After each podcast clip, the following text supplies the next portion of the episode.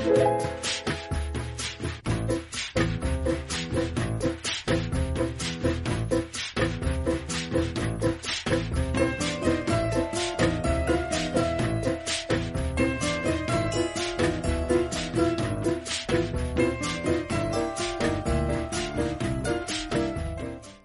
bestaldera entzuleok, egunak argitu du gaur ere, eta hementxe gaude, hementxe segitzen dugu etxean, e, itxita, nola baite esatearen, baina irekita ditugu oraindik ere belarriak eta baita begiak ere, eta munduari adi segitzen dugu, eta noski kultur munduari adi.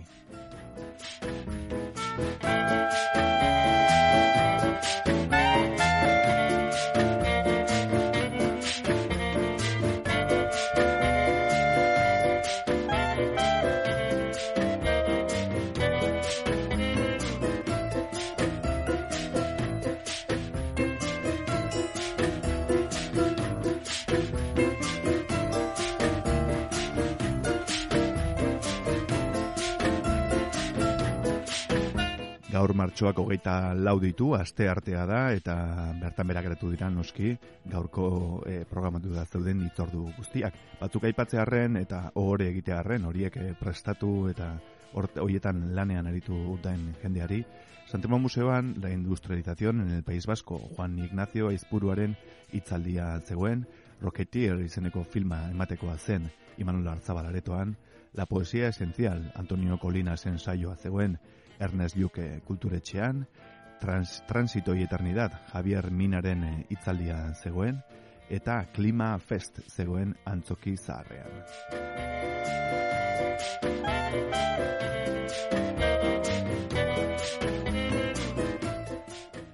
Egunerokoak ez du hortaz eh, eduki berririk ematen, baina gaur atzera begira jarriko gara, badakizuek oldo mitxerena kulturunean egunero eh, egon izan dela, orain itxe aldia hasi arte, aktivitate handia eta horien artean ba, bat liburu aurkezpen, hitzaldi eta abar izan dira. Horietako bat entzungo dugu segidan, normalean eh, lantzen ez dugun gai bati buruz. Bueno, lantzen landu izan dugu, ba, elkano zikloarekin, elkano den e, bueno, bidaien inguruan. Horrengoan, Gipuzkoara, e, al, bueno, gure iritik aldenuko gara pixka bat, eta lazkaora joango gara. B erdi aroko euskal leinu baten e, botere oinarriak izeneko itzaldia dituko dugu, lazkaotarrak izenekoa.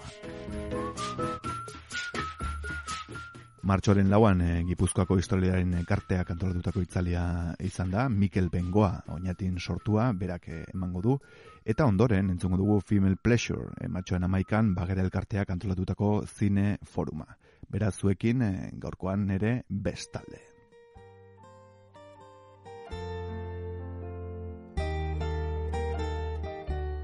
Eta lazkao aipatuta, lazkao txiki etorri zegu gogora.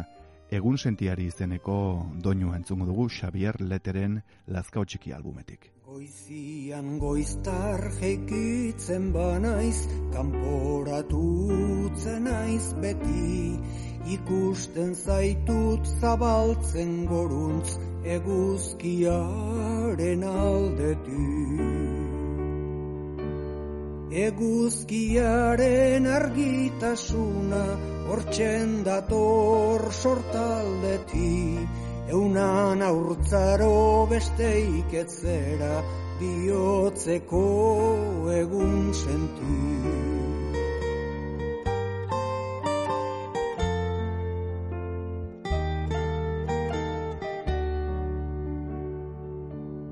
Urre antzeko argi polit bat erdi zurizko urdina, gure jainkuak mirari antzo zeru goitik anegina. Behar genduke sendotasun bat eta sinistapen fina, zer mirari den egun sentiaz konturatuko bagina.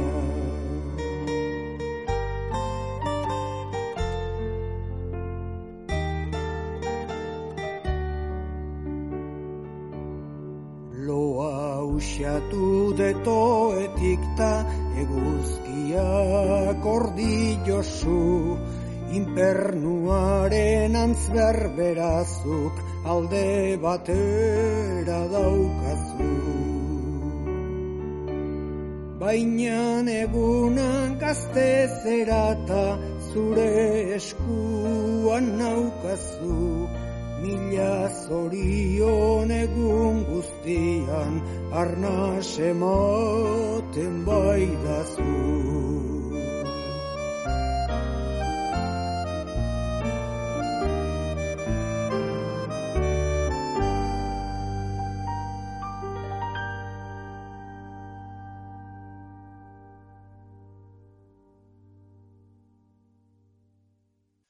Arratxaldeon guztioi, ongi etorri eta mi esker etortzaetik, hau sartazuek, gaur partiduak da hemen hemen etorri zeatela. Pentsi, agian ekarri bergenu nolako pantalla handi bat eta hor aldamenean jarri eta, ez? Bueno, ba, bromak aparte, atxalde hon eta, bueno, ba, hemen dakagu Mikel Bengoa, e, etorri zaigu Lazka Otarren e, leinuari buruz hitzeitea, ez bakarri ardiaroan, suposatzen dute aro berriaren lehenengo zatian ere pixkat zer esango digula, leinu horren eh, bilakareari buruz. Dakizuten moduan, ba, bete-betian egon zan sartuta bando gerretan, eta, bueno, ba, naiz, naiz guatzen oniaztarren bandokoa, zan, okarrez banago, eta, bueno, e, beak eh, agertuko digu zenolako bilakare izan zuen leinu horrek, eta, bueno, ba, batez ere, zertan oinarritzen zuen bere bere aberastasuna eta bere botere soziala eta politikoa nola baita esateko. E, okerrez banago ere, ba, Nafarroko erregaren ere, ba, mertzenario edo soldata baten truke ibilizian ere, hortik e, Normandia aldetik eta Frantzia aldetik, egun urteko gerretan, eta bueno, ba, leinu oso interesgarria da, bera e, EHUko letren fakultatean ikasi zuen, ikasle, ikasle hoia, e, egia esan ikasle osona, dena esan behar da, eta, bueno, ba, bukatu zuen bere graduatua, eta gero, ba, izan e, doktora utzarekin, masterra ere egintzun, eta, bueno, ba, momentu honetan nahi da tesi doktorala egiten, lazkautarrei buruz, ba, Jose Ramon Diade Duranarekin. Eta besterik gabe, ba, eta berari, bueno, eskerrak emanez baita honea etorri delako, bere jakinduria eskintzea, ba, bueno, e, itza ematen diot. Mi eskerra laro, eta, bueno, nire itzaliak inazia horretikan, eskerrak emai, eman nahi e, nioke, lehenik eta behin e, Miguel de Aramburu historia gilen elkarteari, ba, neuri gaur ona txaldean etortzeko gombita elusatzearen, eta baita ere zeu guztioi onatortzearen. Egia esan, pentsatu da neukan partiduaren kontuarekin promar. E, Dio bezala, barkoan laskaotarrak, laskaotarren lehinua izan budu mintzagai, Albaro komentatu den bezala, ba, neure tesiaren gaia da modu, modu orokor batean esatearen. Eta, bueno, e, urrengo minututan gehi ematen ingo, duena izango da, ba, labur bildu, orain arte ikusi joan gauza interesgarrienak. Egia da, e, leinu honen kontuak ba, desente ukitu direla historiografian eta gauza asko segurunik e, zuentzat ere zauna izango direla. Baina, bueno, zeiatu naiz kontzentratzen, ba, batipat e, kontu ez ezagunetan edo agian interesa, interesgarriak suertatu daitezken horietan, ez? Egia esan, sakon eta zabalitzein da gamboarrek eta oinastarrek behar diaroan izan dako borroken inguruan. Ezaguna dira oso, garaiko euskal ere muan izan dako zute, borroka, setio, eta antzeko e, gertara belikoak. Eta kontu hauetaz jarduten den bagoitzean, aipatzen diren leinu nabarmenen artean laskaotarna beti ageri zaigu aipaturik. Oinastaren buru gisa jokaturiko paperaren gatik batez ere. Bando gerretako pasarte hauen iturburu, iturburu nagusi eta ezagunena, Lope Garzia Salazarrek, amagos garren mendearen bigarren erdian idatziriko bien andantzase fortunaz lan ezaguna da, zeurunik zuetariko asko ezagutzen duzuena, edo bentsaten zunda edukuko duzuena. Bertan, e, amalau eta amaos garren menden zehar Euskal Leinu ezberdinek beraien artean izandako borroka uari ageri zaizkigu labur bildurik. Laskaotarrei dagokienean, sarritan dira ipatuak gatazka ezberdinetan parte hartuz. Baina hauei dagokienean, badago bestelako esaldi esanguratxu bat bereziki. Honela diosku, hemen dagoen honek. El solar en el linaje de Lezcano es cabeza de eh, mayor del linaje de Oñaz y más rico de rentas de toda Gipuzkoa. Salasarren aipu honek bide egiten dugu bere liburuan agian aina gerikoak ez diren beste kontu batzuk argitzerako orduan. Batez ere pare bat galderaen bitartez, hemen jarri dituanak. Batetik, zer bilagatzen zuen aberats edo boteretsu garaiko leinu bat, eta beste aletik, zein faktore eta ambizio bultzatzen zuten leinu bat, bere bandoaren buru izatera arte. Kontu hauen inguruan jarroteko, Laskao adibide aproposa dela uste dugu, Salasarrek berak ikustarazten digunez, behar diarako Euskal Leinun artean nabarmenentako bat zelako seguruenik, paradigmatikoa agian. Hemengo gidoian ikusten duzuen bezala, lau puntu nagusi jorratuko ditugu ondorengo minututan. Lehenik eta bain, eh, laskaotarren oinarri ekonomikoak izango ditu aztergai. E, bigarrenik, errege meseetan e, buruturiko zerbitzuak, eta trukean hauek laskaotarre jasotako e, favoreak laborrolduko ditugu. Hirugarren puntuan, laskaotarren goraldian, e, faktore, laskaotarren goraldiaren faktore eragia zintzu izan ziren aztertuko ditugu, eta azkenik, itzaldia ondorio orokor batzuekin e, amaituko dugu. Zan bezala, leinuaren oinarri ekonomikoak aztertzen hasiko gara, hemen mapa orokorra jarri dizuet, ba, eh, onda sumota ezberdin egin da bar, helenik eta egin barkatu, da zuek, asteleraz dago eta e, izkuntza honetan eman beharko beste itzali bat erako prestatu behar izan genuen eta, baina uno, espero ulertuko dela, eta edo zein kasutan dudaren bat balego amaeran galetu lasai asko. E, zaten nuen ez, Laskat, bueno, ni aipatzen joango naiz, eh, ondasuna, beraien ezaugarriak, zergatik eh, eskuratzeko behar hori, eta bar, eta bitartean zuek e, biztaz bajo lasai asko, pixka bat ikusi geografikoki nola zeuden banatuta, eta bar. Esaten nuen ere itzuliz, laskautaren gixako lehinuen jarduera horrok, bai militar edo politiko izanik ere, atzean funts ekonomiko sendoak izatea eskatzen zuen. Eta hauek, testu inguru geografikoko ezaugarri partikularren arabera zeuden balentzaturik logikoki. Laskaotarrek, Gipuzkoako goierrian zuten beraien jatorrezko e, jardungunea. Eta bertan, balentzatzailea isurialde Atlantiarreko tipikoa ziren. Hauek labur bilduz ondore guazian. Alde batetik, nekazaritza defizitarioa zen, zerealen eskaria sarritan importazioekin osatu behar izaten zelarik. Bestetik, mendigune eta baso, baso ugarien esplotazioa integrala izan oizen. Bai abeltzentzarako eta baita ikatza lotzeko, lortzeko orduan ere azken lehen gai hau, guztiz beharrezkoa zen, giroz eta ugariagoak ziren burdinolen eskaria asetzeko. Honetaz gain, biztanleriaren sakabanak eta egoera orokorra azpimarratu beharko genuke. Progresiboki garatzen ari ziren hiribilduen kontraportua, kontrapuntua kontutan hartuz. Laskaotarrek, inguruko beste leinu nagusien antzera, egitura sozioekonomiko honen arabera molatu behar izan zituzten beraien jardun eta funtsak. Horrela, interes berezia izan zuten baso eta mendien kontrola bermatzera gorduan.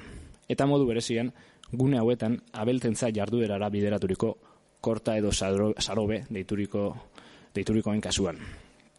Alaber, gune hauetatik eraikuntzarako zura eta burdinoletarako ikatzare lortzen zuten.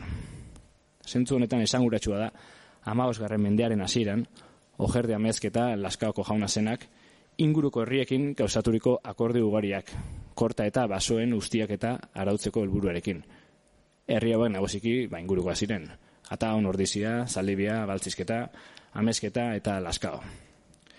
Garaiko dokumentazioak igustarazten digunez, laskatarrek gutxi gora bera larogeita mairu bat korta izan zituzten agauntza enirio eta aralar inguruetan. Gusten duzen bezala, Hemeko batzen dira inguru horiek, e, aralar mendiz, mendilerroaren inguruan gehien bat. Eta Nafarro, fijatu Nafarroarekiko mugaldean beti ere. Gero aipatuko digun kontu batzuen gatik. Basoen ustiaketarekin zuzenen loturik, burdinolek aberastasun iturri emankorra suposatzen zuten. Bai, burdin produzioaren irabazien gatik, eta baita hauek ikatzaren ekoizpena estimulatzen zutelako. Izan ere, Laskatarrek gutxienez hiru burdinoletan izan zuten partaidetza. Atauneko larruntzakoan, eta kasu hontan bertako biztanlekin adosturiko eraikuntza izan zen, hau, Ola berriako iurren eta dulantzin jadanik araban. Gogoratu beharra dugu, isuralde Atlantikoa proposazela jarduera honetarako, bai ikatzeskaria asetzeko zeden basoen ugaritasunagatik, baina baita ere bertako erreken urremari aproposagatik. Azken faktore honek modu berean erroten ugaritasuna albietzen zuen. Laskautarrek, laskautarrek zituzten errotek, diruiturri emankor eta egonkorra suposatzen zieten. Are gehiago, ama garren mendean, demografiak eta nekazaritza produzioak izan dago garapen orokorraren testu inguruan. Kasu askotan, jaunek, erroten eraikuntza eta mantenua adosten zuten tokian tokiko biztanlekin. Kondizio jakin batzuen arabera noski. Eta trukean, bertako errota jarduraren monopolioa bermatzen zuten normalean. Laskatarrak momentu ezberdinetan gutxienez sei erroten jabe edo parte izan ziren gehien bat mapan ikusten duzuen bezala goierrian kontzentraturik. Honetaz gain, be erdiaroko euskal leinuek bazeukaten beste funts ekonomiko nagusi bat. Nahiko berezia Europako edo penintxulako beste toki batzuekin alderatuz gero. Elizen gaineko patronatuaz hitz egiten ari gara. Garaiko euskal eremuan, Elizak errosko faktorea ziren gizartearen artikulazioan. Bai, hiribilduetan eta baita are gehiago hauetatik kanpoko auzune ugari eta sakabanatuetan. Leinu boteretsuenen entzat, Eliza hauen gaineko kontrolan nahita zen beraien nagusitasuna bermatzerakoan. Batez ere bi arrazoi nagusiengatik, hemen lauruluta agertzen diren hauek. Lehenik eta behin, Elizen patroi izateak tokien tokiko biztaleriaren gaineko nagusitasuna irudikatzen zuen zentzu simboliko batean. Eta hau eskubide ugaritan islatzen zen.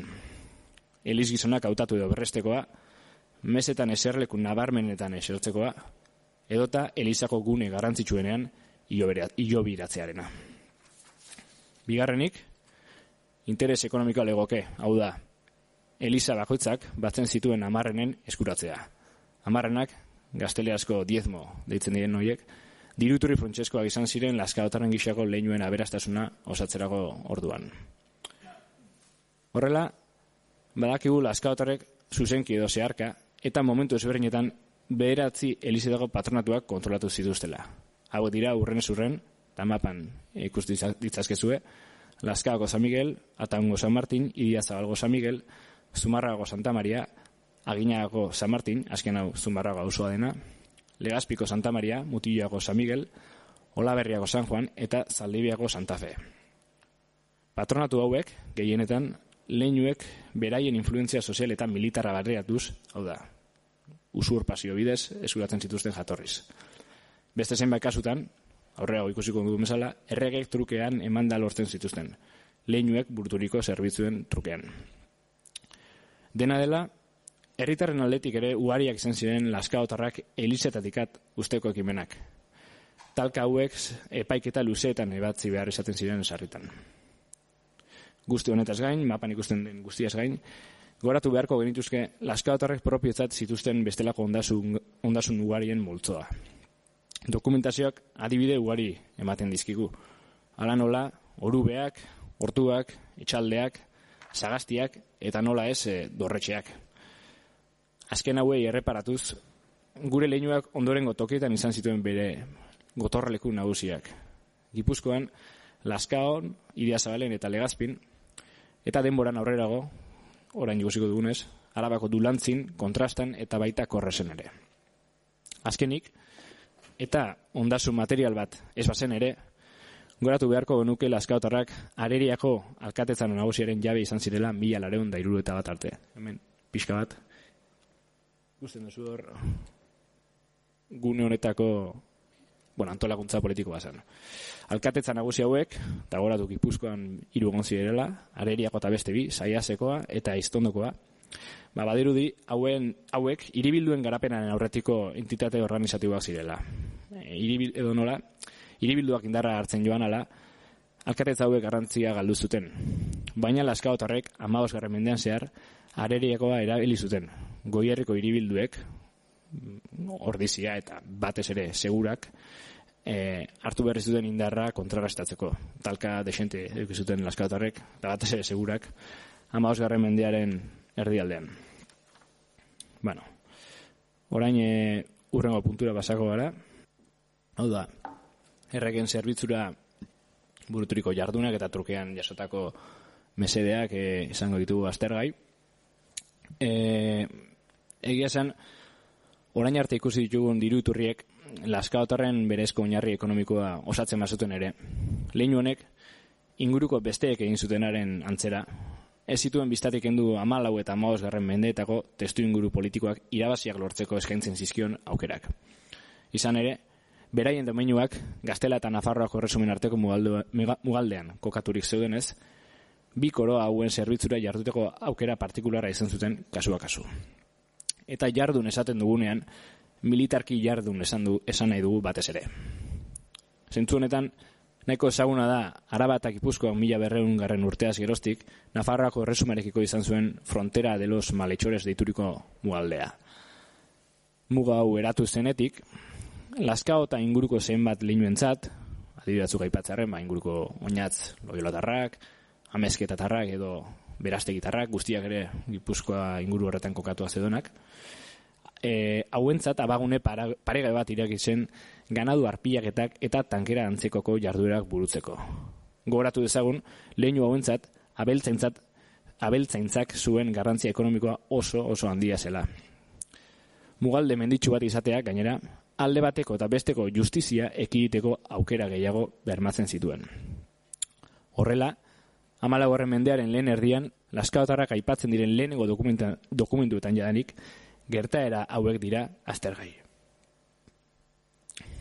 Nafarroako erresumarentzat eta bereziki Lizarrerri eta Mendialdeko Merinoentzat burua uste ugari suposatzen zituzten leinu Gipuzkoar eta Arabarrauen arpilaketek. Etxarri aranatz eta uarte arakilgo iribilduak esaterako garai honetan sortu ziren bertako biztaleria babesteko helburuarekin. Testu inguru honetan ulertu behar dugu amalagorren mendearen erditik Er, amalagarren mendiaren erditik aurrera, Nafarroako erregek, nagusiki Carlos Bigarnak eta bere seme eta ondorengo izan zen Carlos Irugarnak, e, leinu hauek beraien aldera erakartzeko egindako ekimenak. Labur bilduz, ordainsarien truke, laskao eta beste leinu batzuen jardura militarrak kontratatzen ziren. Bi helburu lortuko batipat. Batetik, mugaldeko iskanbilak errotik ekiditea, eta bestetik Nafarroaren interes erago ziren kanpaina militaretarako tropak lortzea. Kanpaina militar hauek ugariak izan ziren, bai inguruko testu inguruan, baina baita urrunago ere. Adibidez, Gaskonian edota Normandian. Baina jada komentatu dugunez, Nafarroakoa esen zerbitzu militarrak eskaintzeko laskaotarrek zuten aukera bakarra. Izan ere, gaztelako erregentzak buruturiko ekimenak konstanteki agertzen zaizkigu dokumentazioan, amalau eta amaos garren mende osoetan zehar. Motanetako lehen kolaborazio zuzena, gaztelako lehenego gerra zibiaren testu inguruan antzeman genezake. Bertan, Laskaotarrak Enrique Trastamarakoaren gertuko partaide gisa ageri zaizkigu jada mila iruron eta irurugu eta bostu urtetik. Aurrerago, jada amabos garremendo osoan zehar, gaztelako koroarekin izandako harremanen adibideak ugariak dira. Batzuk aipatzarren, Juan López de Lascao jauna Toledoko Konkordiaren sinatzaien nagusien artean agiri da mila lareun da goita maseian. Eta mila lareun da berrogeita lauan, gaztelako Juan Bigarnaren alde borrokan ari zaigu aragoiko infanteen aurka. Bere seme eta ondorengo izan Juan de Lascaok, mila lareun da irurogeita maseian ondarribian borrokatu zuen frantsesen aurka. Hemen ikusten ari zaeten eresi ezagun batek jasotzen duenez. E, Euskarazko, e, bueno, eresi ez barkatu kanta bada, nahiko kurioso beri dutzen zait, e, bizkadola ikus, ikuskatzearen, beltzarana gainera e, bere goitizena eta aipatzen da, hemen jarri dudan bertsioa koldo Michelenako onetxi zuena da, eta soi gaipatzea, ba, bueno, e, lehen, lehen biziz, e, kanta hau, Juan Martínez de Zaldibiak batxillarrak e, batu zuela mazi mendean. Esaten nuenarekin jarraituz, Juan de Lascao honen semeak, Bernardino de Lazkanok, bazako setioan parte hartu zuen, mila lareun laro bederatzean, Granadako gerraren baitan. Baina Alaska otarren aletik, jarduera militar eta politiko hauen trukean, eskumen eta favoreak jasotzeko helburua zegoen atzean, noski. Erret kontsesio hauek, itzaldiaren hasieran aipatu ditugun interes ekonomiko partikularetara bideratzen ziren, biratu edo moldatu goetu esan da. Esaterago, Elizen gaineko patronatuei dagokionean, Zumarrago Santa Mariaren adibidea daukagu, hemen ikusten ari zaten hau mila iruren da iruro eta zeian, Enrique Bigarnak, Ferran López de Laska hori, patronatu eman zion. Arestian komentatu dugun gerra zibilean laguntza bermatzearen. Hemen, bueno, ikusgai daukazue, ba, bueno, estraktu txiki bat, baita ere dokumentu originalaren itxura, e, gaztelako erregearen zeinu ere bai, neko txik ikusten da, baina hor daukazue. Eta pixkat komentatzearen, e, hemen aipatzen den Ferran López de Lascao hau ezen izaki lehinuko burua, bere anaia zen, e, e, Miguel López de Lascao bere anai nagusia zen le, e, lehinuko jaun, baina urte gutxitara Ferran López de Lascao hau e, hilik suertatu zen, kasualki jadanik aipatu ditugun mugaldeko, Nafarroako mugaldeko borroka uari hoietago batean. E, etxarri aranazko biztalen aurka borrokari zela hil zen, eta ondorioz e, patronatu honen eskumena bere anai nagusi, nagusiari pasazitzaion, eta horrela berresten du baita ere, Enrique Bigarrenaren seme eta ondorengo izan zen, en gaztelako Juan lehenengoak. Esaten nuenekin jarraituz, e, favore hauen beste esparru tipiko bat burdinitzaren baitan e, ematen zen, eta laska otrei daokienean hiru adibidea aipatu genitzake horrela bote prontuan. E, esaterako, le, e, legazpiko burdino gaineko maiegularitza, gazteleaz prestameria deitzen, deitzen dena, eskuratu zuten. Kargu hau, laskako jaunen esku egon zen gaztelako erregek emanda. Gutxienez, mila lareunda zazpi eta mila lareunda hogeita zazpi urteen artean. Bigarrenik, Gipuzkoatik lapurdi aldera ateratzen zen burdinaren gaineko erre, zerga erreala, laskao eta rei atxikizitzaien mila lareunda berrogeita mairuan. Eta hiruarnik iurre, eta agauntzako burdinolek koroari eman beharreko zergak, Juan de Lascaoren eskuetara pasa ziren mila lareun da iru eta zazpian. Iru eta mazazpian markatu. Gogoratu, komentatu berri, berri dugula, urte bete lehenago, mila lareun da iru eta mazeian, Juan de Lascao hau, ondarribian zegoela frantsesen arka borrokatzen. Seguru aski, zerbitzu hau eta beste batzuen trukean, eman zion azken favore hau erre, erre koroak. E, jadan ikurrengo atalea pasako gara, pixka bat, Laskaotarrak e, Nafarroarekiko mugalde hori horren erroa jarraituaz arabaldera nola edatu ziren ikustera. E, bueno, egia esan baliabide ekonomiko sendoak eta errege ezberdinekin harreman estuak izateak, berez, ez zituen laskaotarren gixako leinu baten handi nahiak asetzen. Botere materiala zaratago, bazegoen beste bat, simbolikoa, garantzia berdino gazena, beraien nagusitasuna justifikatzerako orduan. Zentzu honetan, azpimarratzeko da laskaotarrak ez zirela berezko jaurerri jurisdikzional baten jabe gipuzkoan. Beraien aererio ziren beste leinu batzuekiko kontrastean. Gebaratarrak esaterako oinatiko jaurerriaren jabe ziren. Faktore honen garrantzia simbolikoa zen batez ere. Izan ere, lurralde jakinbateko jaungisa izendatzeak eta horrela ezagutzera eman alizateak, prestigio eta legitimitate oso nabarmena ematen zion kasuko leinu hori. Bai gainerako leinuen parean, eta baita ere, beraien menpeko biztanleen aurrean ere. Laskaotarrek ez zuten inoiz jaurerrerik jaso esan, esan dugu mesala erregen eskuetatik. Baina dirudienez, garbi zuten berau eskuratzea elementu kapitala zela beraien goratzu prozesuan. Horregatik, euren estrategia beste hildo batetik bideratu zuten.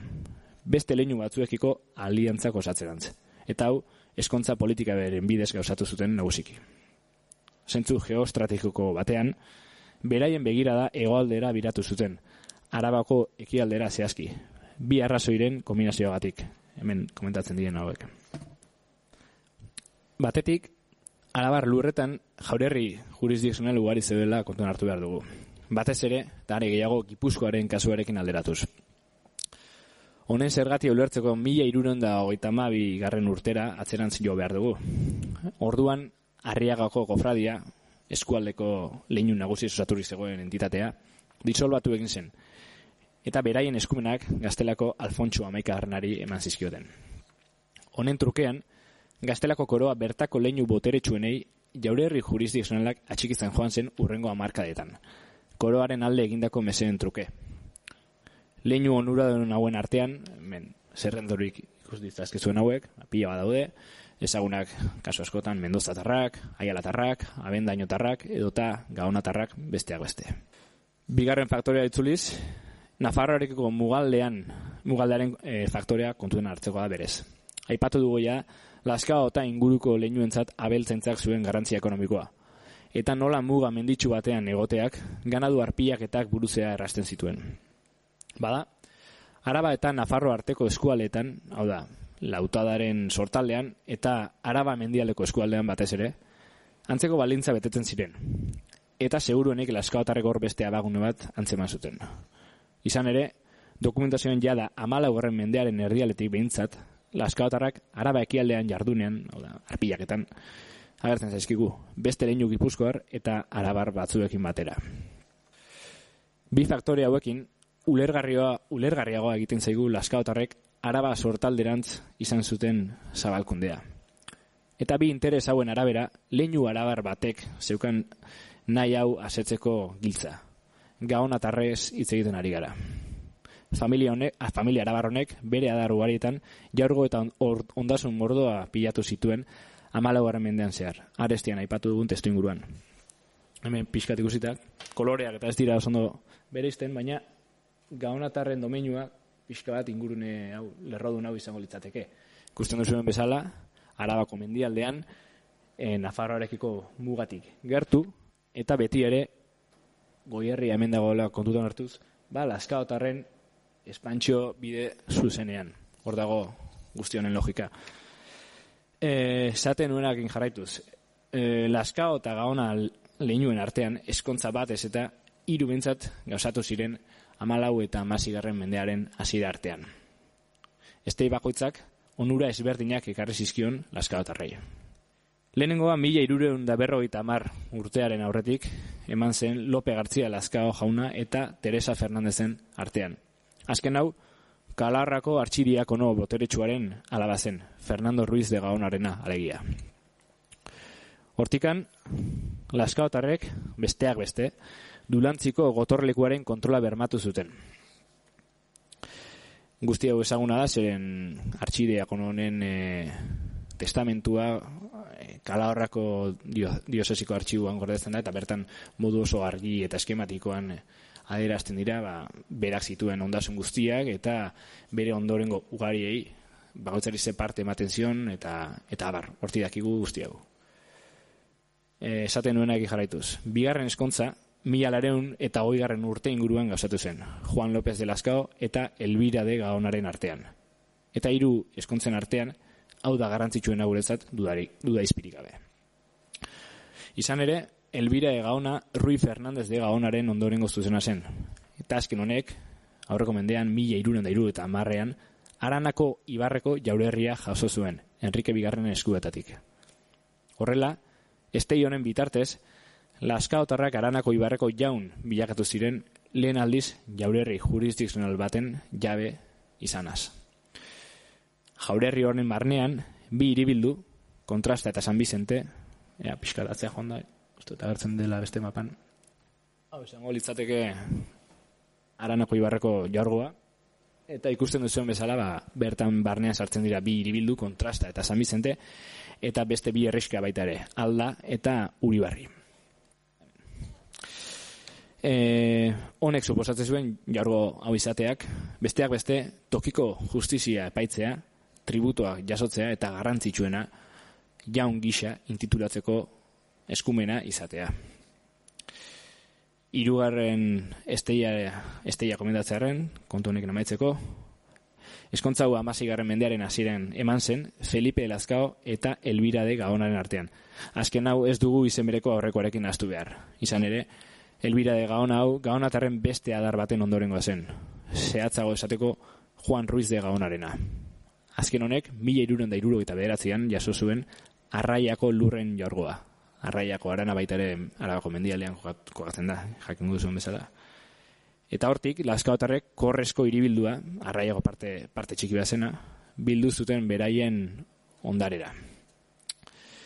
Ezkontza estrategia errepikako ronen bitartez, amabos garren menderako, laskaotarrek posizio sendoa errotu zuten arabako ekialdean.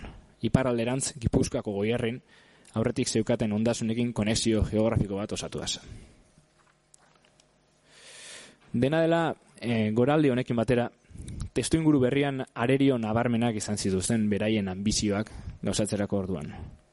Batetik, Laskaotarren domeinotako herritarren erresistentzia eman zen.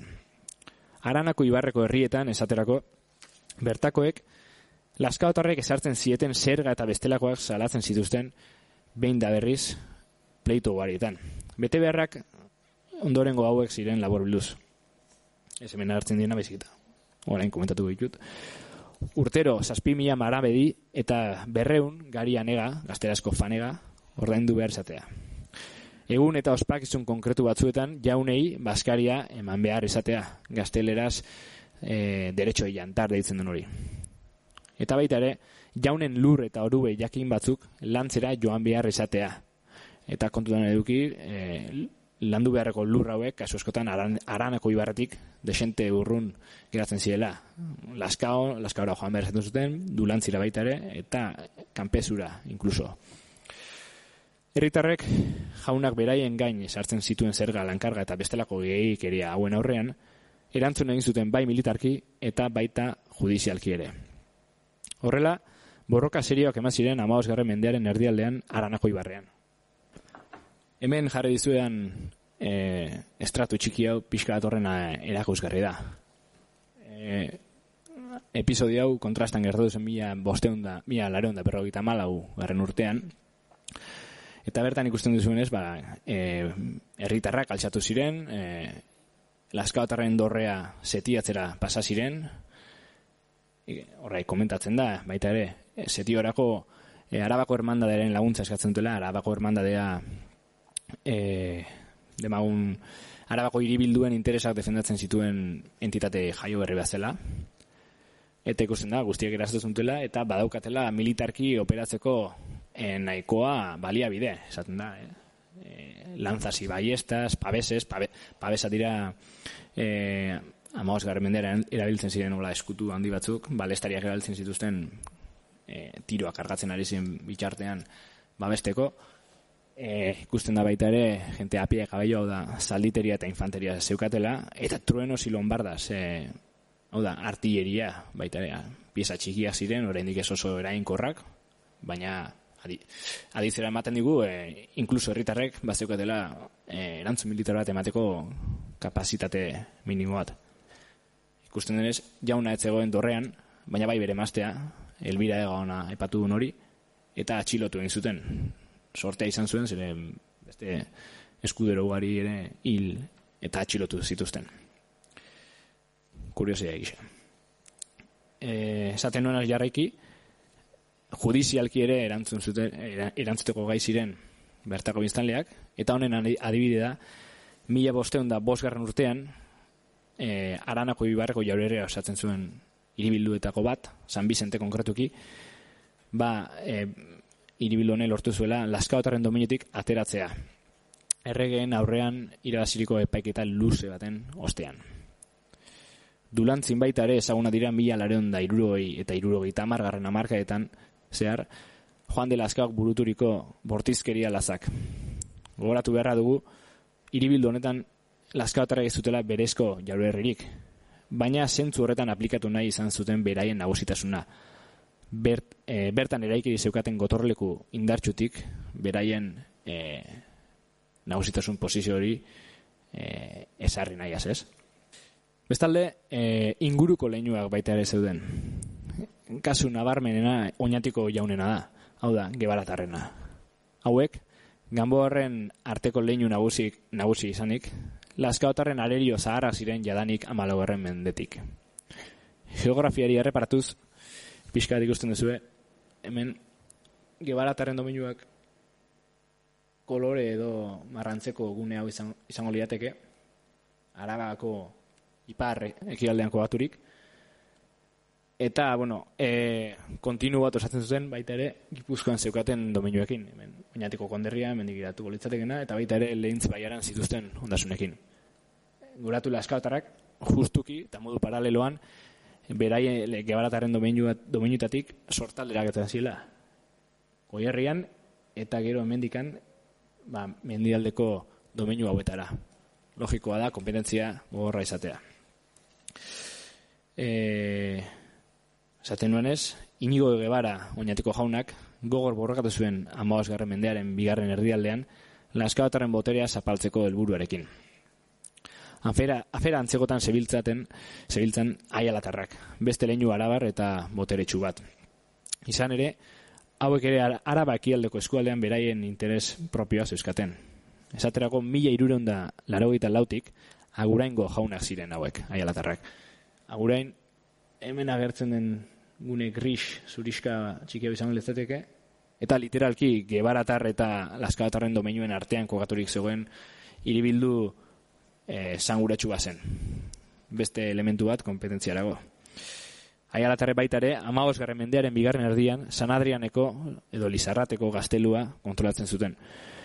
Azken gaztelu hau, eta hau azpimartu beharra dugu, Laskaotarren goierriko eta Arabako domeinuen arteko lotura estrategikoan kokatori zegoen.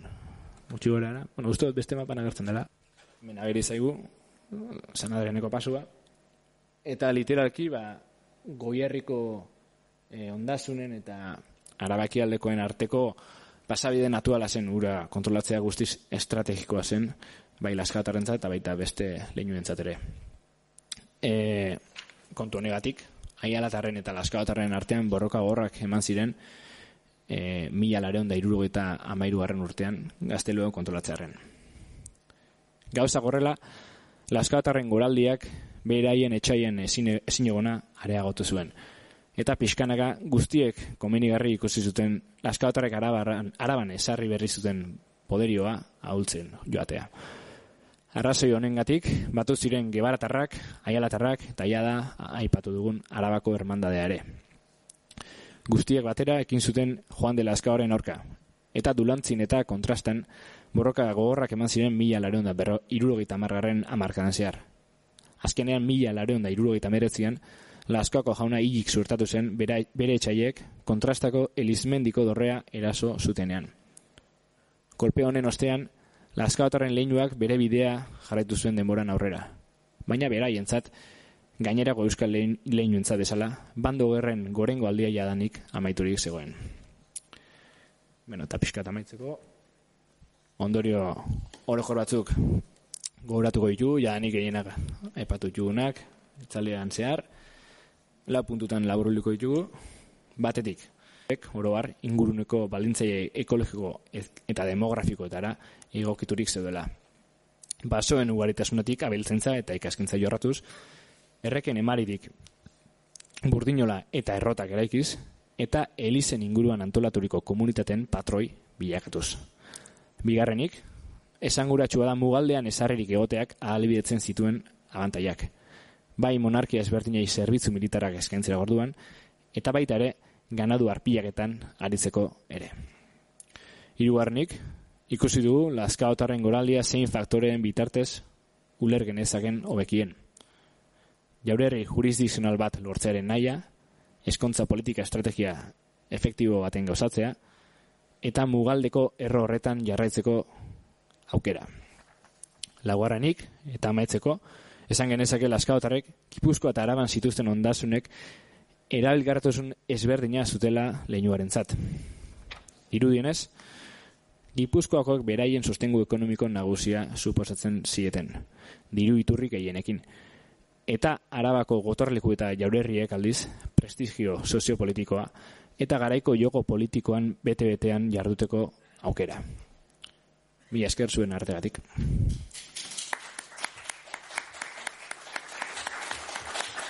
Ni esker, Mikel. Bueno, e, guen galderarik edo komentariorik ba lego, ba, mesez altxa besua edo bilatza, eta pasako izuet e, mikrofona ze hau grabatuta gehatzen da, tardun, eh? eskatuko nizuke mesedez ba, hau erabiltzia. A ber, ni jakin nahi nuke e, jendea, herriko jendea nola bizizan, e, hauen menpean, ez da? Aipatu duzu, segura eta biafranka, do, ordizia, horregun ordizia dana, beti borrokatan ibiltzen ziren eta hori seguruna ba, libertate gehiago edo beste e, eskubide batzuk izango zituztelako, baino hauen menpean zegoen jendea nola bizizan, hori da nire lehenengo galdera, ez da? Pizka bat ea zuek e, e, antzemandeko hori ikerketa horietan ikusi dituzuen ba litigioak edo nola, nola osatzen zuten nola egiten zuten botere hori e, eta gero bigarren galdera eh eleinu honek e, gaur egun lazkaon dagoen e, hori jaurege handi bat duke del infantado e, zean, ezta? Aber leinu hauen artean badagoen edo ez dakit zerbait edo loturarik edo edo ez edo ezberdinak dira. Vale. Bai, ba, lehenengo galdera dagokionean ez da galdera txarra, galdera ambizioa da, egia esan. E, nola bizi ziren herritar xeak, e, hauen inguruan bizi ziren horiek. Bueno, e, kasu askotan, adibidez, jaurerri jurisdikzional bat zutenean, e, komentatu du, ez? Nola kontrastan eta inguruko herrietan e, pleito asko ematen ziren, e, denuntziatzen zuten, ba, kriston zerra izaten zituztela, e, lankargak inkluso, eta bestelako gauza asko. E, gero, galdera da, e, berez, e, jabego jurisdikzionalik ez, ez zuten inguruetan ere, e, berdin, berdin jarratu zuten laskaotarrek, eta beste lehinu batzuek, edo, edo nola, ez? Gipuzkoan adibidez, esan dugu, e, hauek ez zutela berezko e, jaurgo esku, eskumenik, ez? Eta galdera hori interesgarriago da. Egia esan ez daude hainbeste datu, baina gauratzen naiz, e, ikusi berri dudan dokumentu batean, badaude laburbiltzeko, e, mendien ustiak eta adosteko kontua da, e, hiru alderdi daude, inguruko herriak, ataun eta ebar, laskako jauna, eta baitare erregearen e, ordezkari gisa, garaiko e, Gipuzkoako merinoa Fernan Perez de Alaiala. Kontua da, e, ados jarri behar direnean, aialatarra eta laskaotarra tratu bate, tratu bate kausatzen dute, eta esaten dute horrelago zerbait e, enaiz literaki bodatzen, baina e, yo te daré a ti e, la mitad de todos los labradores que tengo entre Legorreta e Idiazabal. Bueno, holako detaile oso gutxi daude, baina pixkat ikuskatzen da horrere e, jendea, edo zati bat, zati batean mentzat, hauen e, zerga eta lankargetara e, loturik zegoela eta seguruenik e, kontrastakoen be, besteko gaizki basatzen. Zein zein, zein, zein hauen aukera e, lehinuen boteretik ies egiteko? Ba, iribilduetara, batzea. E, hor, horrek esplikatzen du handi batean, ba, inguruan, segura eta barrek izan zuten zabalkunde garai honetan. Pixka, sartzen joan ziren, beraien e, udale, udalaren barren, barnean, ba, inguruko e, erriska sakabanatuak, zein helburuekin, ba, batez ere bertakoak e, nahi zutelako, ez? E, laska eta beste leinuen e, eskuetatik ies egitea. Egia da, gero e, iribilduen barnean sartzerakoan ere beste bete behar betzuk izaten zituztela, baina hori beste kontua da. Mm.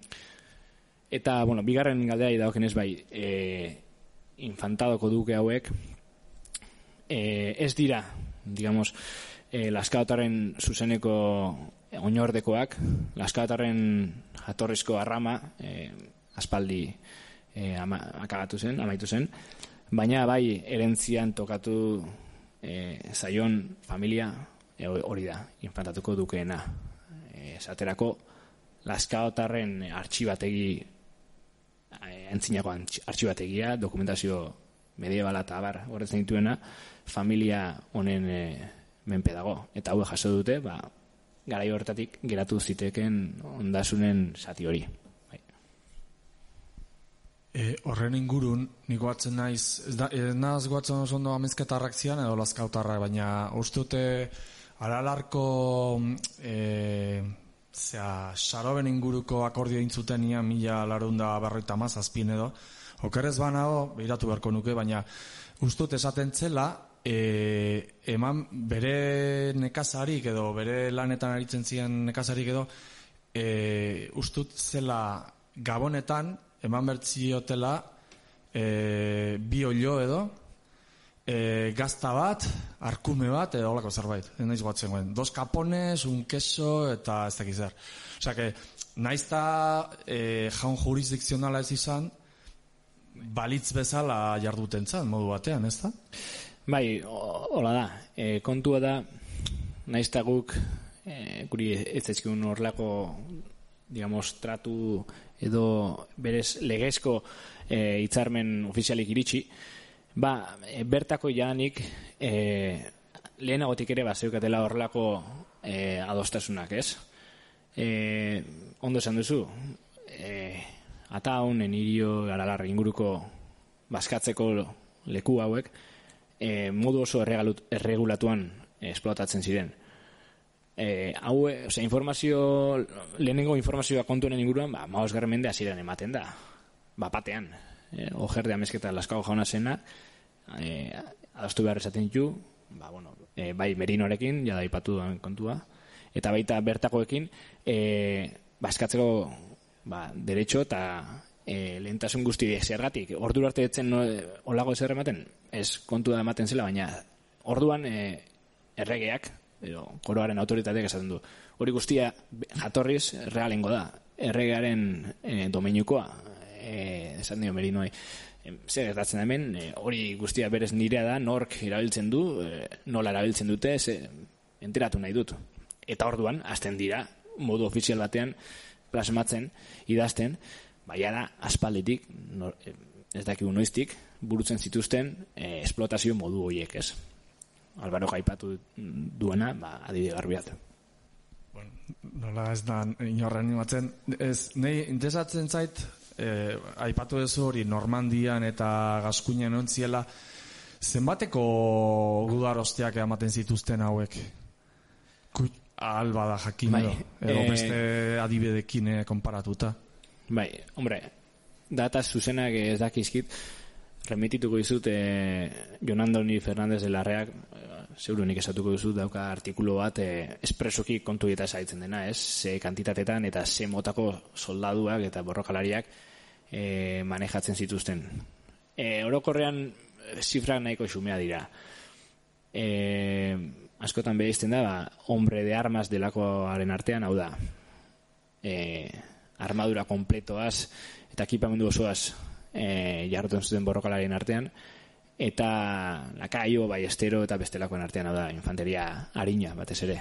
E, hombres de armas oso gutxitan, osea, oso kantitate gutxitan batzen ziren, eta goratzen izenez, ba, Fernandez de Larreak iragazleak aipatzen du, az, ba, gebaratara zirela inguru hortan e, potentzia militar handiena zeukatenak. Laskaotarrak, desenteki izango ziren baita ere. E, oinaztaren artean, gehien e, mugitu zutenak zeuruenik.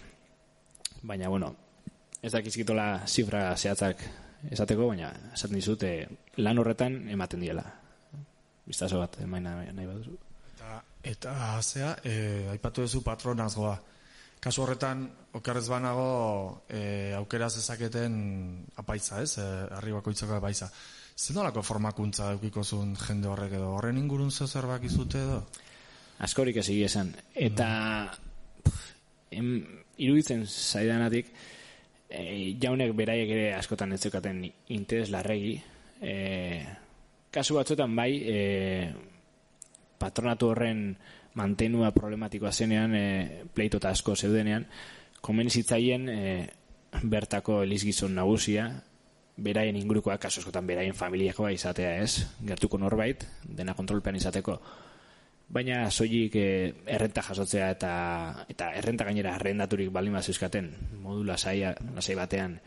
Eta abar e, incluso e, bertak, o sea, Elis Gizonen elekzio hori e, beste batzuen esku usten zuten e, arrendaturik.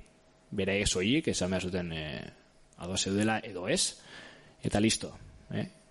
kontua da, ba, bueno e, patronatu bagoitza kasua kasu ea e, lasaik mantentzen zen bere menpean edo ez, osegoen diferentzia. Egoatzen az, e, zein nun irakurrita, ba, iruñatik etortzen zen e, bisitatzaile edo, askotan hortaz kejatu iten zen, ez? Eta batez ere kejatzen zen, hemengo apaizek zuten maila gutxi, maila dogmatiko gutxi, ez? Ba, claro, formakuntza ez zute izango gero Trento ezarri arte eta mintegiak eta eta bueno, nunbait ba ez zen bat e, predikatzen zutena eta geho benetan egiten zutena, orduan ez, etzian adibide, ezta? Eta orduan, guatzen naiz, izugarrizko arazoa zituztela horregatik, baina garo, ez zuten, ezin zuten ez errein, ze patronazgoa etzan beria, baizik eta jaunarena. Bai, bai. Esan duzuna hori egia da, e, eta kont, eske, claro, kontuten hartu behar da, e, gipuzkoako zati hau ez, e, iruñako diosesiaren barne kokatzen zela, Mega, erdiaroan batez ere, eta are gehiago, e, iruñeko boteretik nahiko, nahiko urruti gaten zen, bai fizikoki, geografikoki, baina baita politikoki ere ez, e, askotan bialtzuten horra ba, representanteak e, zer datzen hemen, e, no, zein da egoera, e, da topatzen duten, ba, hori, kriston, laskautaren kasuan, ba, hori, goratzen naiz, saldibiako patronatuan, da, badue, kriston pleito pila bat, ba, hori, esanaz, baina, hau, jatorrez gurea da, nola sartu da hemen jaun laiko bat, e, zer datzen da, baina, klar, eske egoera, egoera hori lusatzen zen denboran pila bat, e, denporaz. Eta bai, klerikoen kasuan ere, bai, ikusi izan dut kasuan kasu, ba, e, denuntziatu guran, e, ba, pargo konkretu bat bestea, ba, argumentatzen dela hori, e, no es clérigo en sí, o, o, de poca formación y tal, argumentu nahiko, nahiko tipiko izaten zen. Askotan esaten zioten ere barraganak edo maitaliak zituztela, eta karo hori ere... A, amancebado. Ta... Ba, atea zaizu olakorik eh, laskautarren kasuan edo? E, bate sonatzen dit, ez izan, baina ez izan kontrastan edo non, edo nola amancebado eh, adjetiboa sarriago ikusi dut laskaoko jaun beraiei aplikatuz. Eta izan beste klerigoi, baina bai. Hola izaten zen.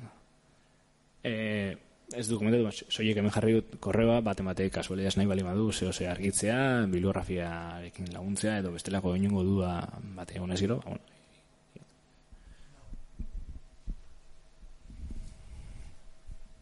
Bueno, kontestu nipintzeko zenbat jaurerri jurisdizionalak egon ziren ordune gipuzkoan, baldin maakik.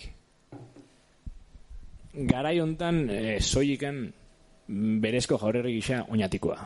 Oinatikoa eta, bueno, berez etzen gipuzkoa.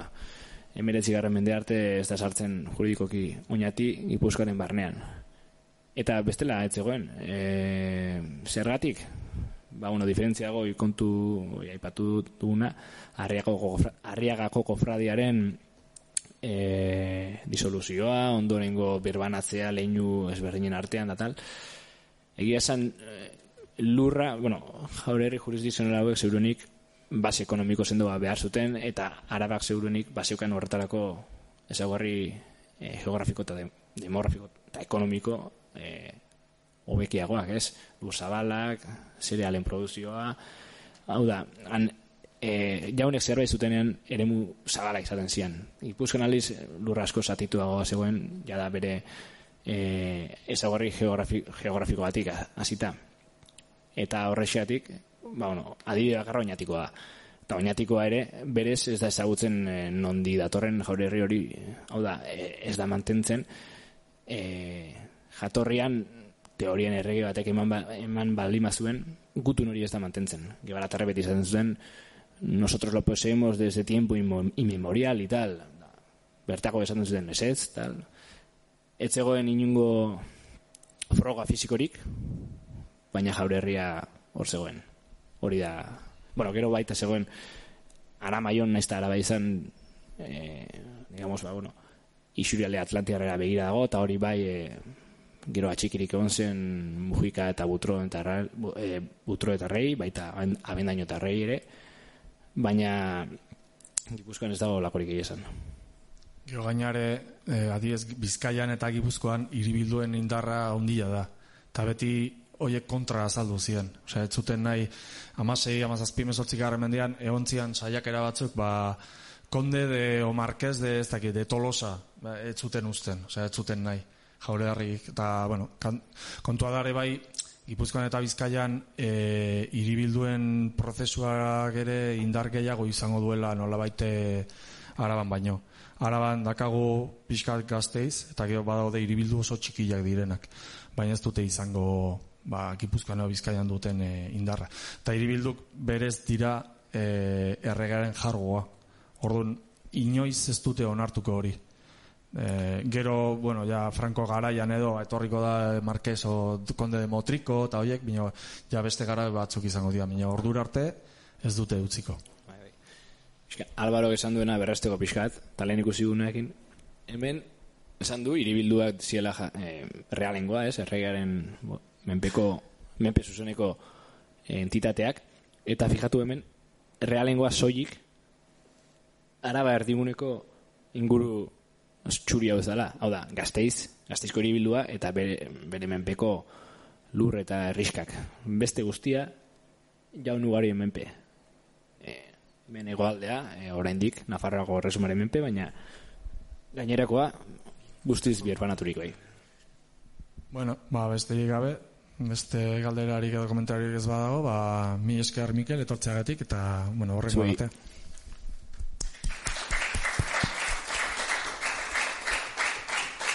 Guain, lasai jun zaitezkete partidu ikustea. Baimena, Bai, en, eskerrik asko, en sola saldira gelditu zeten guztioi, beti berdin esaten dizuegu, sola saldia denon artean konpartitzeko pues, ekintza bada, orduan edozein komentario edo balin badokazue, besoa jaso eta zurinek gerturatuko dizue mikroa eta gogoratu mikroarekin hitz egin behar degula streaming bidez eskaintzen dutelako sola saldia eta gaur gaina badakigu streaming bidez jendea no, ikusten daukagula orduan mikrora hitz egin behar dugu. Vale. En, nola normalen entzaten inorrek ezer esaten hasieran en, galdera bat egingo diot Laurari en, egon gehalako hitz egiten pelikulari buruz gaurko saioa prestatzeko eta egintzen idan komentario bat pelikulari buruz eh, eta gaur berriro ikustean en, ziurtatu dut horrela dela en, pelikula guztian ez da feminismo hitza erabiltzen eta en, hitz egin genunean bueno, gutxi gora bera ulertu nizun e, zure ikerketa en, feminismoaren inguruan eta plaz, feminismo mugimenduak eta plazerraren inguruan da e, nahiko nuke hori, pixkat e, egin zen idan gogo eta hori edo pues, denokin konpartitzea iruditzen zaitelako mm, pues, izango dela aberasgarria denontzeko.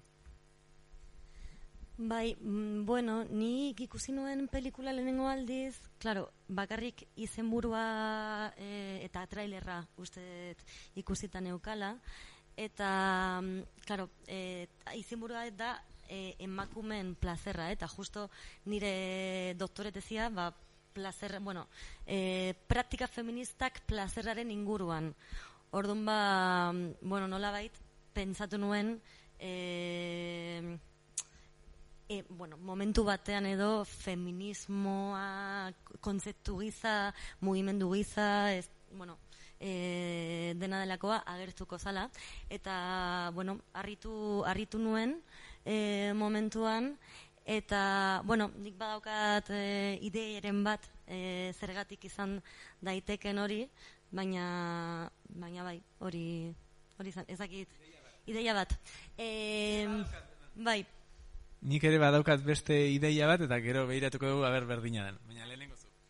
Ba, ber, gauza desberdinekatik e, izan daiteken, ez? Ba, nik uste lehenengoa edo gauza bat izan daitekela, ba, adibidez, em, azaltzen diren historia guztiak, ba, erakusten, erakusten dira emakume emakume desberdinak leku desberdinetan bizitzen edo esperientzak e, oso gogorra jasatzen.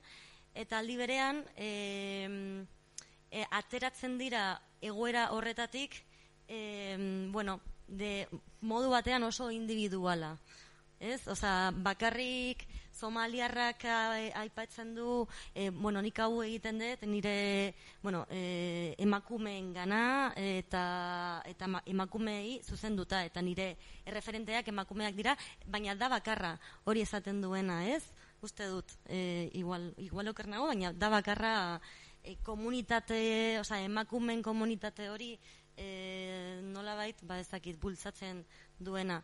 Eta nik uste dut igual hori izan daitekela como arrazoi bat, ez? Osa, bizigaren gizarte individual batean, nun e, garrantzitsuagoa da igual e, ba, esfortzu pertsonal hori sustatzea e, kolektibita, kolektibitatasun bultzatzea baino. Bueno, hori izan daiteke ideia bat, baina hipotesi bat da. Mm, bai, izan daiteke. No, ez daukagu Barbara Miller hemen galdetzeko zergatik egin zuen horrela, en, gaur, en, irugarren ikustaldian, noa konturatu naiz, bueno, en, zuzenduko diazu horrela ez baldin bada, baina en, feminismoa nik hartzen dut en, pertsona desberdinen berdintasunaren aldeko mugimen du bezala. Eta bukaerako diskurtsoetan, en, bai aipatzen da emakumen plazerra eta emakumen gorputza gizonezkoe bueno, en, judutarrak esaten du ez en, emakumen gorputza gizonezkoen gorputza bezain zerutiarra edo en, jainkotiarra edo justo hitza bai en, Rudoshenko bueno, nada, en, roku dena xikok ere esaten du ez, bere gorputza ez dela lizuna gizonezkoena ez baldin badale lizun, orduan, bai egiten ditu en paralelismo hoiek en gizon eta emakumeen arteko berdintasunaren alde. Eta nik uste dut en zuzendariak naita egindako apustu bat dela en ez erabiltzea feminismo hitza pelikula guztian en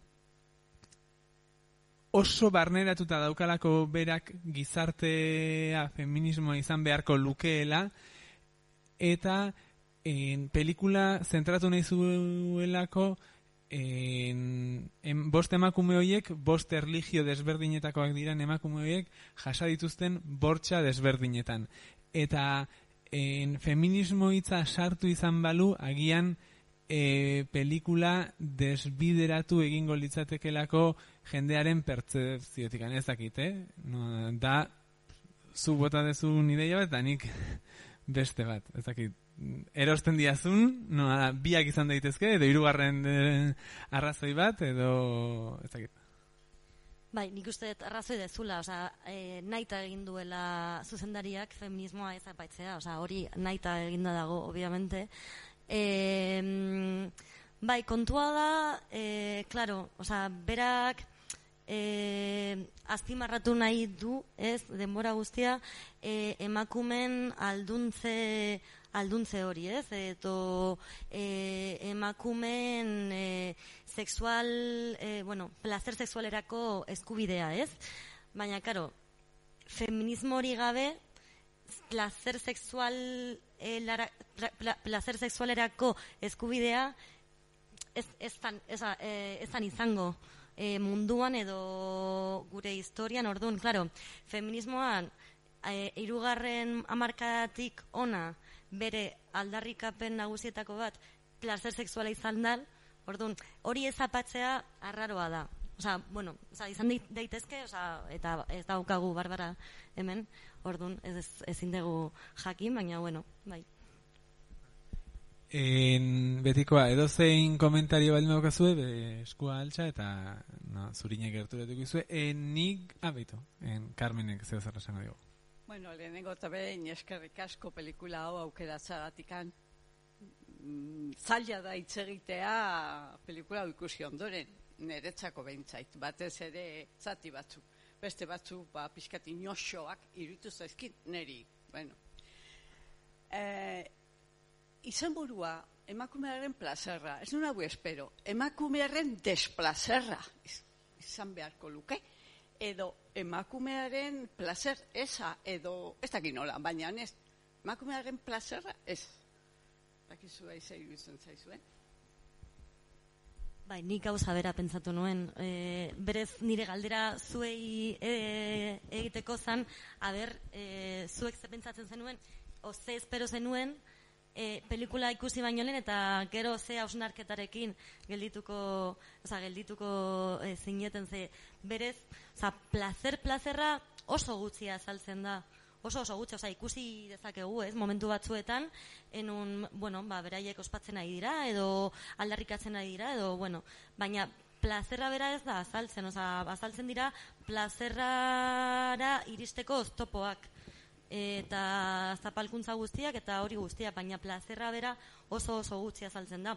Eta gero nik uste ere egiten dala oso gauza eta igual da e, arrazoia, arrazoi horietako batengatik feminismo hitza ez erabiltzeko, ze feminismoak bera ez, e, gauza, oza, esango duan gauza asko kuestionatzen du, eta izan da adibidez maitasunaren e, konzeptua edo erabilera, ez? Ze pelikula guztian maitasuna iaia e, jartzen da e, ez dakit, e, paralelismo, oza, egiten da plazeraren eta maitasunaren arteko paralelismo bat ez dakidala nola justifikatu hori, ze e, bueno, oza, e, indarker, emakumen kontrako indarkeria zari gara, ari bagara hitz egiten, ba maitasuna erromantikoa eta bikoteak ba izan da e, bueno, e, zapalkuntza nagusietako bat.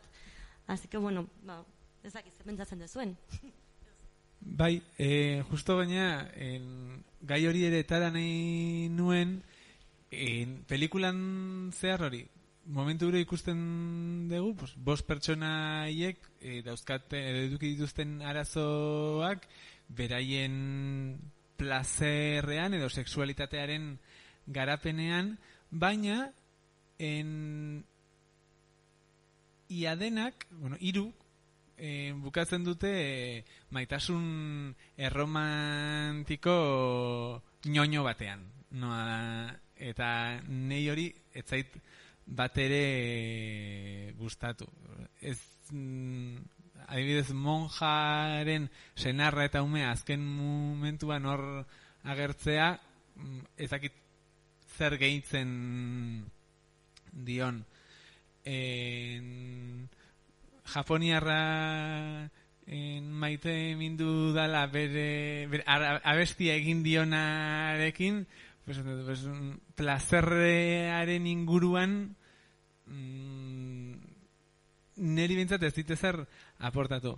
En Indiako historioan bai e, asieratikan ikusten dugu en, gizon batekin ezkondua dagoela eta oso zorion txua dela zatekan ezkondu zan no, ez behartu zioten gizonarekin bez, eta berak nahi zuen erekin eta bere gizonak noa, babesten do, bereak egiten duen guztia eta baina bai iruditzen zait justo historio hori mm, eta en Love Matters edo fundazio hortan egiten dutena ere da en maitasun edo oiko harreman bikote harremanak mm, potentzializatzeko edo babesteko elkarte bat.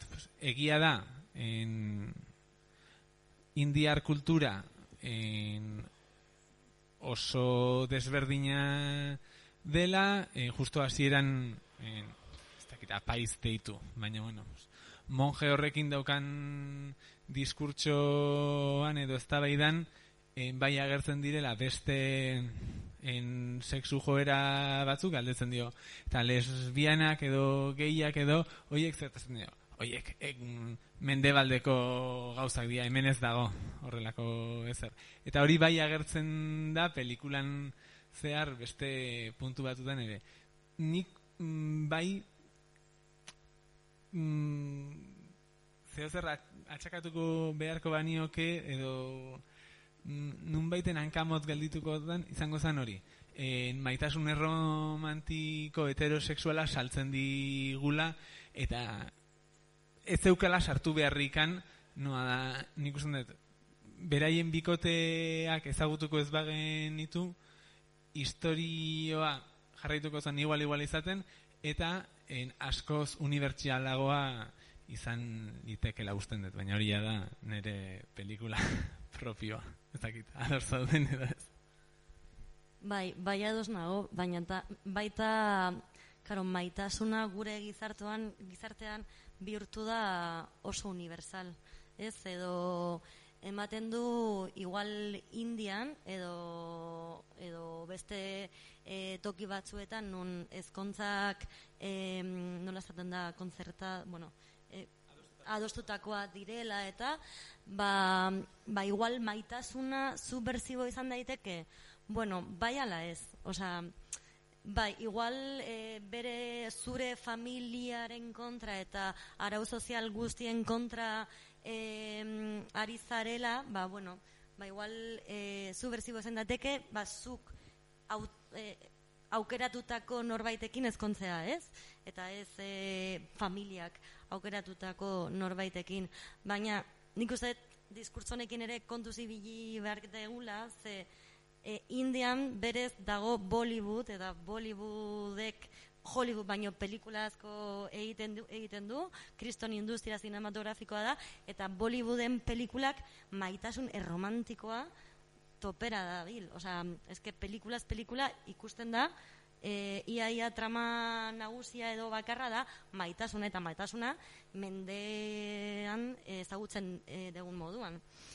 Orduan, ba, ez dakit ze puntutaraino, pentsamendu, maitasun pentsamendu hori, Mari Luz Estebanek ezaten duen bezala, ez dago indian beste tokiat, tokietan bezain e, zakit, garatuta edo orduan ez dakit, oza, igual kontu zebili berde gula ere mm, subversio horrekin, eta, bueno, igual e, subversio izan dateke modu batean, baina beste modu batean maitasunak e, ditun gauzen artean, bada, e, generoaren zatiketa hori, e, nun emakumeak dira e, modu batean, gizonak beste modu batean, e, komplementarietatea ideia hori ere bai, heterosexualitatea, orduan, ba ez da inosente edo, ez da oso supersiboa, ze beste gauza batzuk ere e, ezakit agintzen ditu edo. En, beste gauza bat pelikulan Eta konturatu nahi zela, gaur, noa, etxean eta, bueno, iaz zinemaldian ikusi nuenean, enintzen konturatu hortaz, eta, bueno, hori daukagona behin baino gehiago ikusteak pelikulak, noa, ona gatozenerako, da, in, azaltzen dian tekstu sakratuetarako tekstuak. Noa, ni gaur arte, ez nintzen hortaz jabetu, azaltzen dira, pues, bost erligioetako tekstu desberdinak, baina tekstu desberdinak beraien artean oso oso antzekoak dira. Osea, en ia ia berdina esaten dute. Eta behin baino gehiago bai nik usten dut judutarrak eta bai musulmanak esaten dute liburu hauek pues, bai tora eta bai korana direla gizonek idatzitako tekstuak ez diela jainkoaren testuak eta horrek ere irutu zait noa pelikula guztian ematen diola osotasun bat pertsonai desberdinek gauza berdinak esatea eta en, testu sakratuetan atal desberdinetan agertzea en, ia ia parrafo berdine pues, egintzait en, oso deigarria horren desberdinak izan hasiera batean diran en, erligio edo kulturetan en, emakumeak hain modu berdinean sailkatu eta egotea ezakit, bueno, suposatzen da dozean baina komentario ere mate egin nahi balin bezu honen inguruan. Bai, bai, ados nago eta gainera e, beraiek azaltzen dute oso ondo, ez? E, azkenean gizonek e, idatzi dute idatzi dizki, e, e, dituzte liburu horiek eta beraiek interpretatzen dituzte eta eta bueno, baina liburu horiek bai desberdinak dira, baina ez hainbeste, osea bere garaian oso kultura gertukoak ziren eta jarraitzen dute leku batzuetan. Ordun, ez dira, osea, batzutan pentsatzen dugu oso desberdinak direla e, juduak, katolikoak, e, musulmanak, ez dakize, eta errotu, osea, e, sustrai berdinatik ia ia e, e, datozte.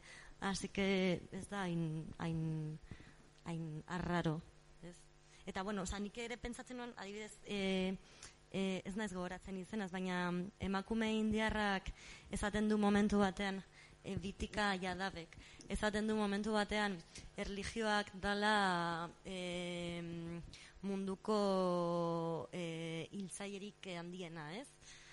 Bueno, erligioak eta beste gauza batzuk kontua da, eta ez da esaten ere, esaten da patriarkatua oso, abstraktu, oso modu abstraktu batean, baina maskulinitate bera, eta e, e, maskulinitateak oso oso utzi kuestionatzen da pelikulan adibidez, e, eta, eta berez ba, maitasunaren kasuak azaltzen eta hori nik uste dut, ez dakit nola bait, e, sustatzen duela heteronormatibitate modu bat, ez? Eta, bueno, hori da igual, e, zuk esan dezun bezala, pixkat, e, bai. Bai, bueno, e, pelikulaz gain, zuek kom- egindako komentarioz gain, ba, ideia pila da bizkit, eta ez dakit nondik hasi. Bueno, hasiko naiz, maitasuna hitzen gatik. E, nere ustez, emakume hori da e, judutar ok- ortodoxa ingururtakoa. Eta bera garrantzia handia ematen dio bere hizkuntzan ez dala existitzen hitz hori. Ordu, hitz horrek esan nahi du ez bikote artean, ez da guraso batek ez diola bere seme alabari esaten, eta edo eta inoiz ez seme alabak gurasoei, ez gurasoi, orduan iruditzen zait hizkuntza oso motza, sentimentu adirazteko biden bezala. E, eta gero ez dakit zuek izketa egin dezuten bitartean ere beste ideia asko etorri zaizkit. Iruditzen zait feminismo aldetik esan nuke gizonezkoekin kontatu behar da la berdintasuna iristeko garbiena ikusten da indiako neska hortan, ezta?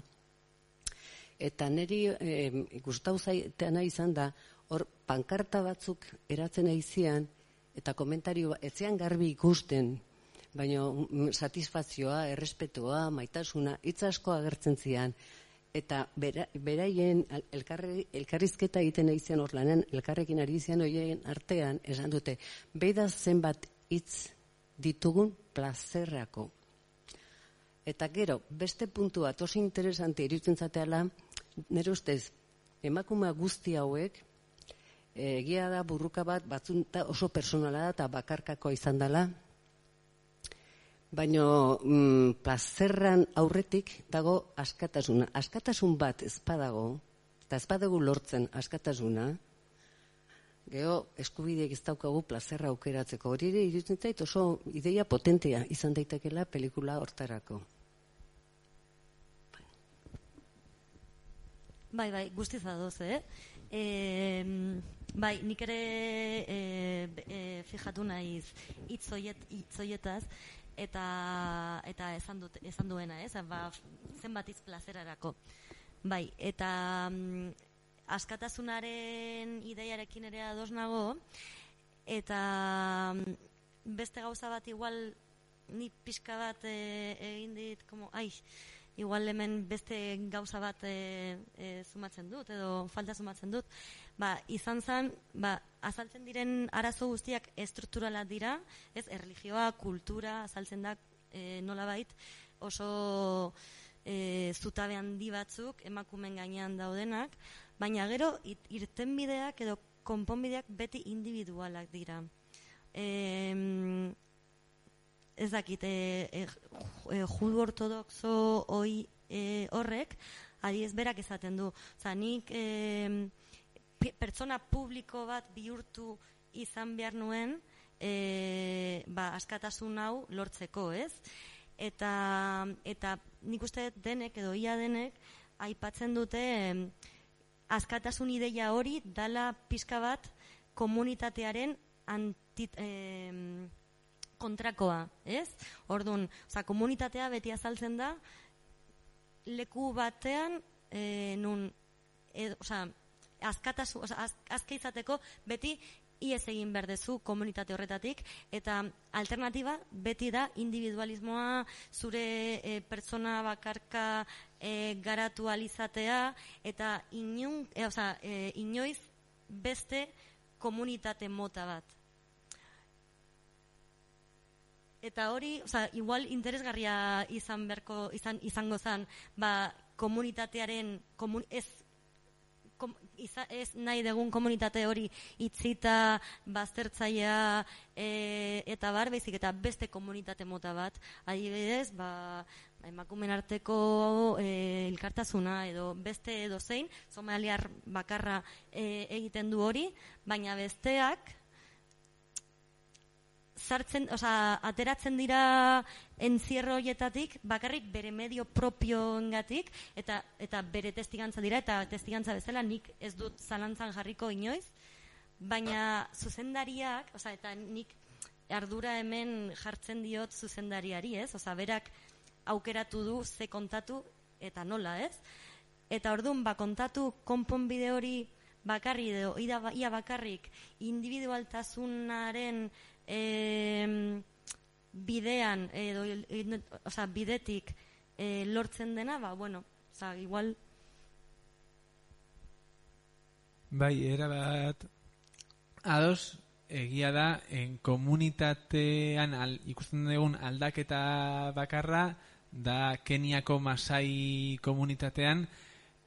E, alde batetik ikuste ditugu gizonak biltzen direla eta beraien artean eztabaidatzen dutela eta eztabaidatu dutela mm, en ablazioa ez da la praktika oso egokia be konturatu dielako beraien plazerrak gutxitzeko balio dola hori ere azpimarratzen dute osea ez?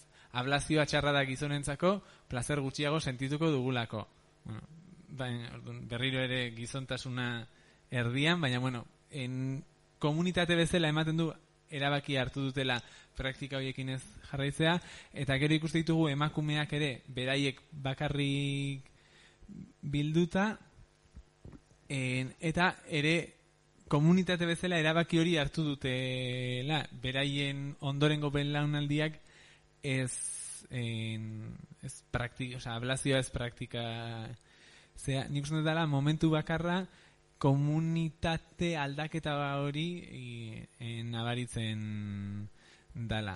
No, baina egia esan beste errealitate guztietan ez oso individuala da en, eta era ados baina daukagu beste bueno bi en, bat eta gero pasa. Bai bueno eh, nien dago ados zurekin txirikatzen ator bai ez e, gizonezko mm, elkartu dianean Afrikako Somalian edo Kenian edo dana dela, e, ez dute esan ablazio txarra da, mm, ona da gizonak gehiago gozatzeko alderantziz. Esan duna izan da, gizonezkoak ez dakizute zer dan ablazio egingabeko emakuma batekin sexuarremanak izatea. Nik uste da asko zere interesantegoa dela eta aberatsagoa. Emakumeak placer gehiago sentitzen dut, ez dakizu zuk zer ze dan hori jasantzea, hori ikustea, hori bizitzea. Bai, bai. En... Eh, hori da nik. Bai, bai zehatzago, hori da nahi nuen esan, zehatzago esan dezuzuk ni baino. Bale, ba. Bueno, eta gero, komunitatea esaten naizela eta pelikula behin, claro, behin ikusi dut, ez detiru aldiz ikusi, edo hausnarketa gehiago egiteko e, konbentutik pasatako emakuma horrena, kontutan izan behar da, bortxatu izan dela. Bortxaketa bat jasatzea izugarria dela. Eta bada, momentu bat, emakuma talde bat dago, eta dara monjaitxura zuten, komentutik ateatako na, eta ari dia talde bat egiten, orduan, gero ezkontzeko eta, nik uste dut, bortxaketa hori, jasandun hori, horrez agertzen, baino lan psikologiko luzea Orduan, badago modu batea oso igual oso harin, baino badago beste elkarte batzuk agertzen dira, bakarrik ezin dira gainditu historio horiek. Bueno, nik esan nahi duena da filma orokorrean oso nahi duitu zait, e, batez ere egiten duen salaketagatik. E, ni ere zuekin ez nagoa doz, mm, kritika bai, egiten diozulako nere ustez gehiegi, nik uste dut e, goraipatuko nuke eta gustatuko leitzaiake jende askok ikustea pelikula hau. E, hobea izan ziteken eta sakonago izan ziteken, eta agian nik uste dut e, gure ikuspegi ere izan daitekela oso mendebaldekoa. e, kritika egiterako orduan. E, gero, nik uste dut e, komunitatea eta individua ere agian ez nago era bat adoz.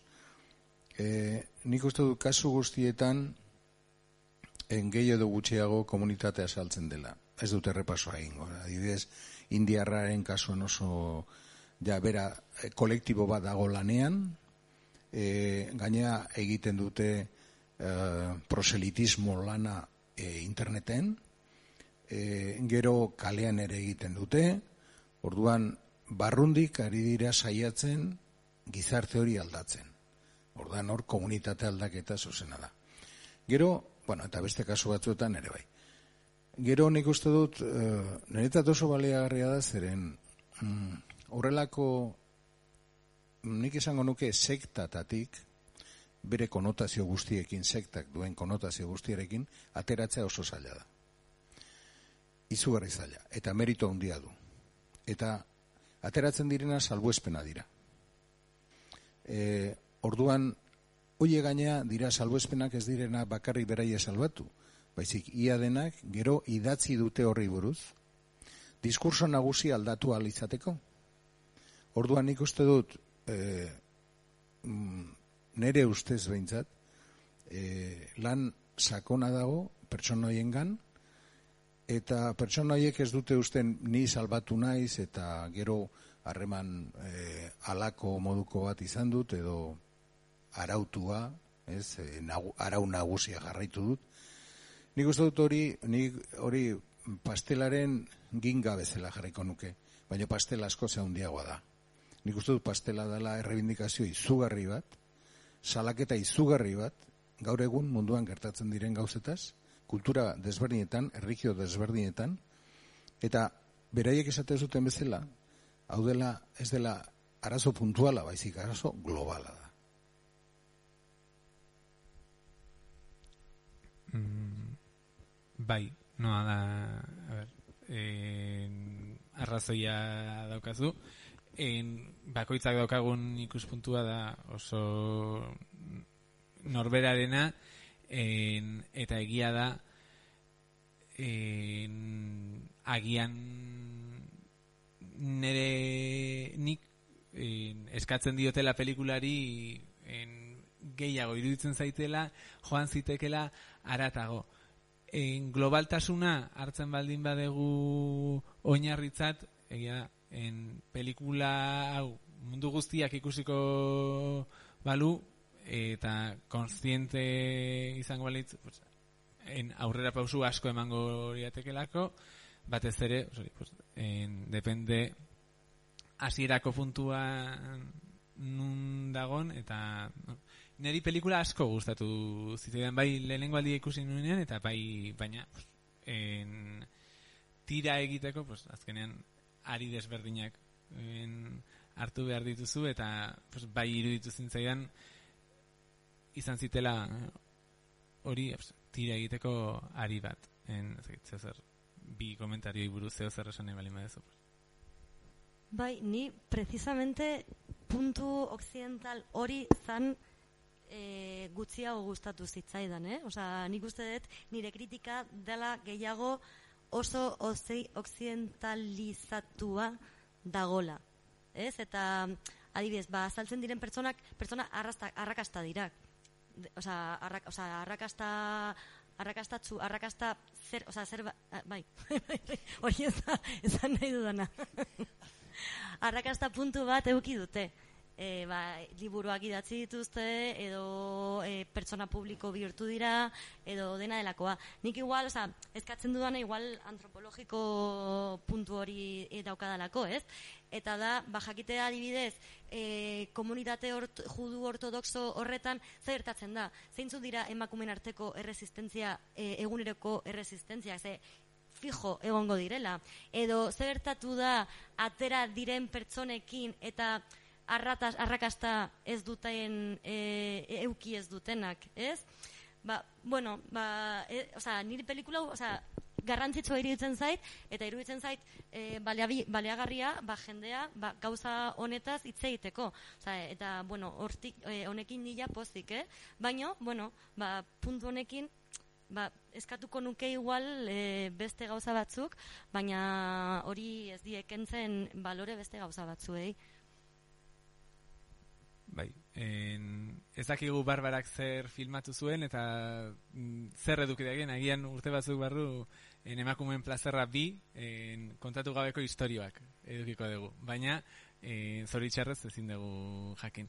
Eta zoritxarrez ere, en, ordua gainera etorri zegu, Koldo Michelena itxi egingo digute, eskerrik asko etortzeagatikan, e, solasaldia horren parte hartzaile izateagatikan, eta gogorarazi en, urrengo bisaioak izango dira apirilako geta iruan, personal affairs edo arazo pertsonalak pelikularekin, eta en kurtsoa bukatuko degula maiatzak amabian Tomboy pelikularekin. Eskerrik asko eta urrengo arte.